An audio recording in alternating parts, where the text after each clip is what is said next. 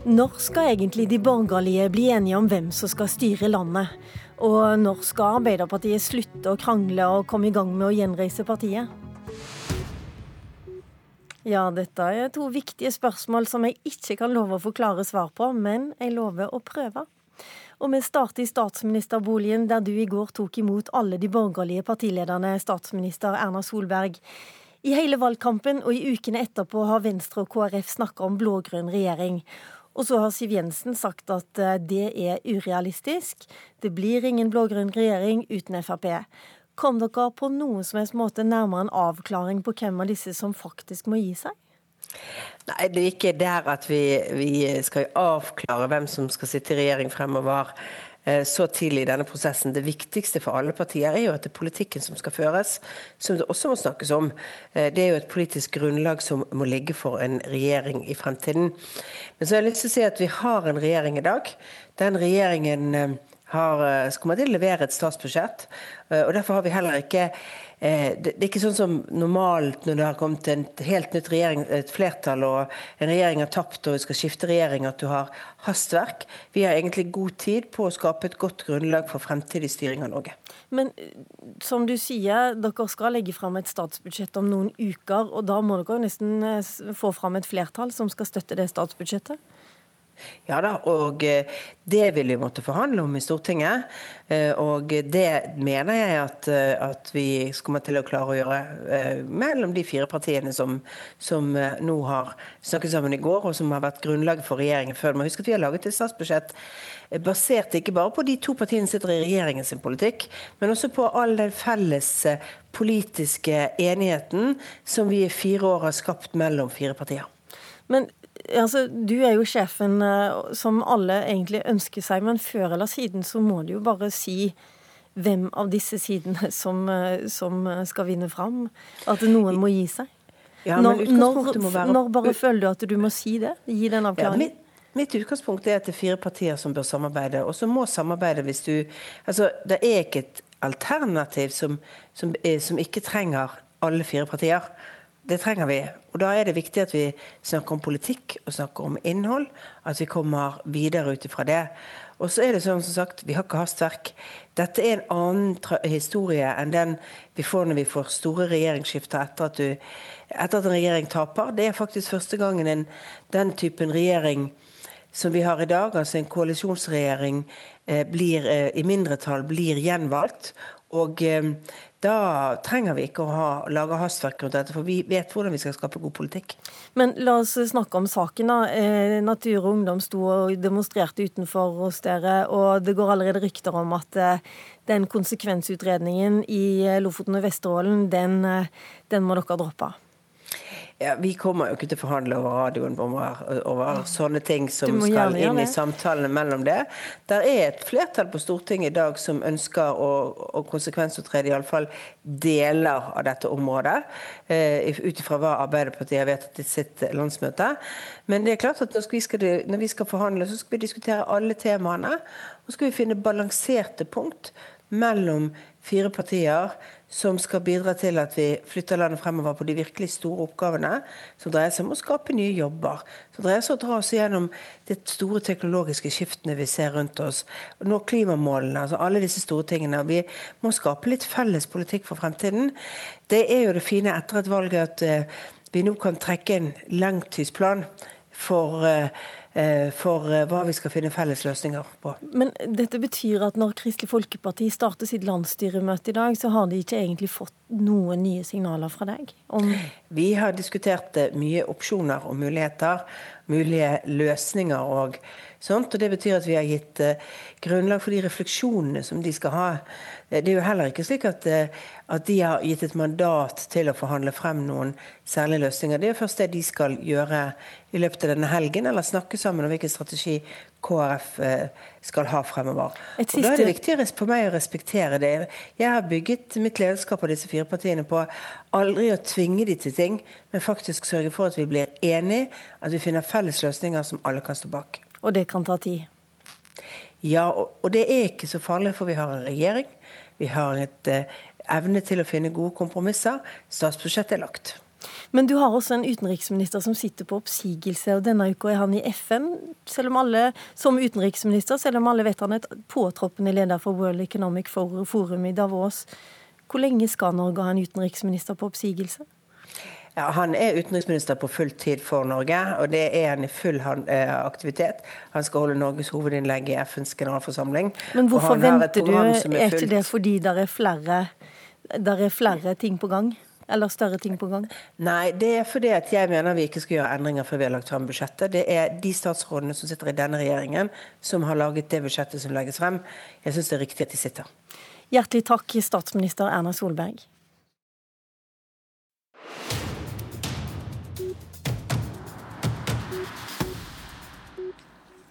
Arbeiderpartiet slikker fortsatt sine sår etter historisk dårlig valgresultat, og en av forklaringene i etterkant har vært at det var lite smart å gå inn i valgkampen med å love 15 milliarder kroner i skatteøkninger. Men eh, byrådsleder Raymond Johansen i Oslo, dere lovte også skatteøkninger før lokalvalget i Oslo, og da vant dere. Hvorfor gikk det så galt nasjonalt når man prøvde på noe av det samme? Ja, For det første så er det forskjell på en by og et land. Men det aller viktigste er å være enig om problemet. I Oslo var vi enige om at problemet var at vi hadde den laveste barnehagedekningen, og at eldreomsorgen var så dårlig at vi måtte gjøre ekstraordinære tiltak. Og løsningen var da mer penger gjennom eiendomsskatten. Utfordringen nå var at vi ikke greide å ha en felles problembeskrivelse. Vi greide ikke å snakke om tydelig de behovene det var for å sikre skole, sikre velferden, sikre eldreomsorgen. At vi hadde tatt et rekordhøyt utbytte fra oljefondet Sånn at det vi var ingen felles forståelse av problemet. Og da blei løsningen problemet. Og løsningen vår var da å bruke penger på skatt. Hvilket jeg tror er riktig, men hovedproblemet var at det ikke var en felles erkjennelse av hva som var hovedutfordringa, hovedproblemet. Ikke minst fordi at man har greid å ta et rekordhøyt utbytte, og også bruke framtidige generasjons penger. Toro Sandvik, du er fylkesordfører for Arbeiderpartiet i Sør-Trøndelag, og er også med oss i dag fra Tyholt. Eh, var det riktig eller var det feil å gå inn i valgkampen med den skatteøkningen? Jeg er helt enig med det Raymond sier. Arbeiderpartiet vinner ikke valg på skatteøkning, men på velferdsøkning. Eh, og jeg mener Arbeiderpartiet alltid må gå til valg på en betydelig reform. Eh, og Jeg savna f.eks. at vi var mer konkret hadde større trykk på den skolereformen som vi ønska å gjennomføre, med økt vekt på tidlig innsats og mestring i basisfagene. Flere lærere, mer fokus på praktisk læring, mer vekt på praktiske fag som håndverk, kunst og koding i grunnskolen, for å få flere til å gjennomføre. Sånt koster penger, og da trenger man eh, ikke store skattekutt. Men vi fikk ikke formidla godt nok de reformene vi skal gjennomføre. Vi fikk ikke formidla at vi ønsker å, å, skru, å, å modernisere arbeidsmiljøloven etter at regjeringa har gjort den gammeldags gjennom å reversere arbeidstakerrettigheter. Så, så, det du sier nå er at det, var ikke galt å gå for skatteøkning, det var bare galt å ikke begrunne det? Det var galt å ha skatte... Det, det framstilt som skatteøkning var vårt mål, mens vårt mål er jo å skape mer velferd, en bedre skole, bedre eldreomsorg og helse. Det var vel noen som prøvde å si det, da. Så spørsmålet er var det dumt å gå og si at 15 milliarder kroner skulle skatten økes med? Jeg tror det var dumt at vi konkretiserte tallet, for da blir det veldig konkret. Det blir veldig lett å lage sånne skattekalkulatorer og sånne ting. Eh, så Derfor så tenker jeg at det tok fokuset vekk fra det som er, alltid er Arbeiderpartiets eh, beste saker, nemlig å snakke om eldre helse, skole og et innovativt næringsliv. Du har jo sagt at Arbeiderpartiet etter dette katastrofevalget trenger en havarikommisjon. Og så håpte du på uro og kraftige diskusjoner etter det dårlige resultatet. Har du fått innfridd det ønsket, syns du? Ja, jeg ba vel egentlig ikke en havarikommisjon for å uttale meg før sentralstyret behandla det. Jeg har sagt at jeg er fornøyd med sentralstyret sin valg av metode. Og jeg ønska også uro for jeg ønska kraftige politiske diskusjoner knytta til de veivalgene vi har gjort. Og jeg forstår at debatten på landsstyret eh, var nokså usminka og ærlig tilbakemeldingene. Det som eh, har vært i fokus i det siste, er jo anonyme bakholdsangrep, og det skader bare partiet. Eh, og Det er ikke den typen uro Arbeiderpartiet trenger. Vi trenger å bli enige om hvor vi gikk feil på de politiske budskapene. Og da trenger vi en ærlig debatt om det. Men i går hørte vi at to rådgivere vil slutte etter at Marianne Martinsen ble vraka som finanspolitisk talskvinne. Og er det disse her du, du, tenker på da, når du snakker om at uh, dette var rådgivere som hadde dressen klar til statssekretærjobbene?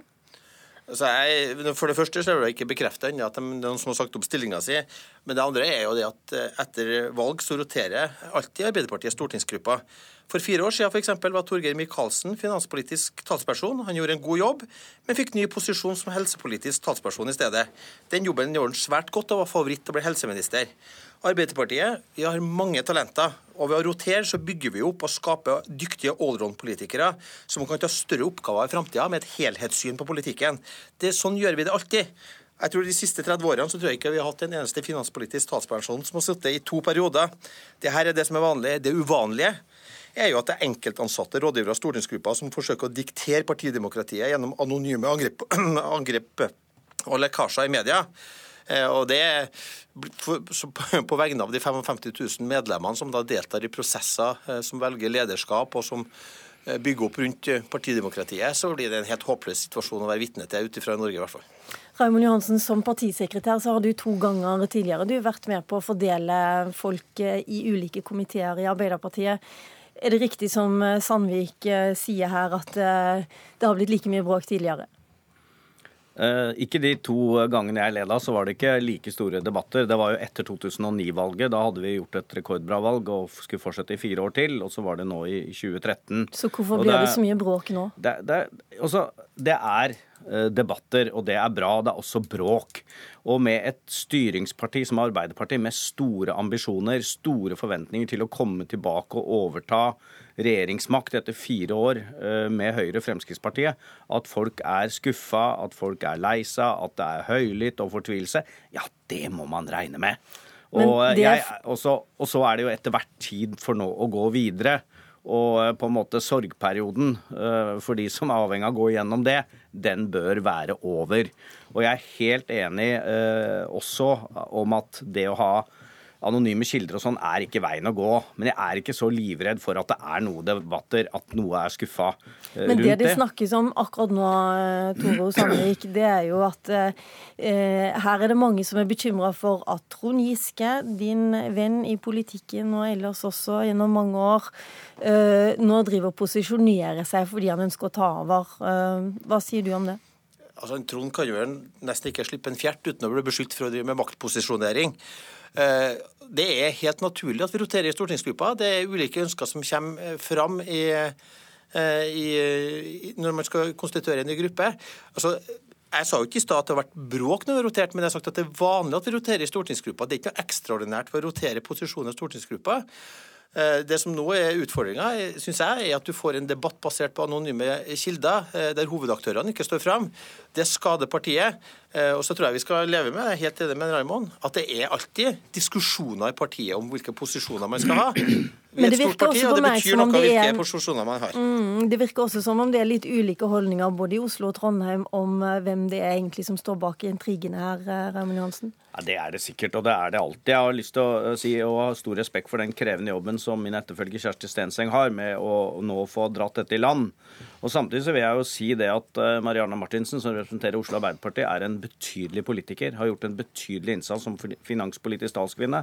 Og jeg er helt sikker på at også i nye posisjoner så vil hun vise å gjøre seg bemerket som en viktig rikspolitiker, både i Norge og også her for oss i Oslo. Vi er fryktelig stolt av Marianne og er en av de som kommer til å være en toneangivende stemme for dette partiet i årene framover. Men du som har vært med på dette før, er det vanlig at nestledere på en måte, at ledelsen da bare bestemmer hvilke komiteer de skal ha aller først?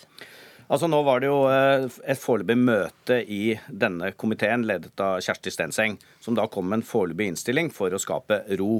Det respekterer jeg. Så skal jo det endelige resultatet legges fram for gruppa og voteres deretter. Men ro ble det jo ikke. Og det er vel ikke vanlig å legge det fram i to omganger? Nei, dette er uvanlig, men situasjonen var også uvanlig. Det var det de valgte å gjøre. Så legger de det totale resultatet fram etterpå. Det er en krevende kabal som nå skal legges fram, og vi skal greie, og det er et mål for oss, vi skal greie å skyve fram ikke minst flinke kvinner som vil bære dette partiet framover. Marianne Martinsen er en av dem. Sandvik, siste 15 sekunder. Hva må skje nå i Arbeiderpartiet? Nå må vi fokusere på politikken, og så må vi som Raymond sier, vi må få fram de dyktige talentene vi har. Vi kommer til å få dem i mange eh, posisjoner. Og jeg er også helt enig, Marianne Martinsen kommer vi til å høre mye fra, og kommer til å gjøre seg bemerka på et nytt politisk område. Men vi har også flere dyktige kvinner og, og menn i Arbeiderpartiet som skal bære eh, politikken vår fram nå. Ok, 46 nye Arbeiderpartimedlemmer skal også ha komitéplass. Lilla Sølhusvik var programleder.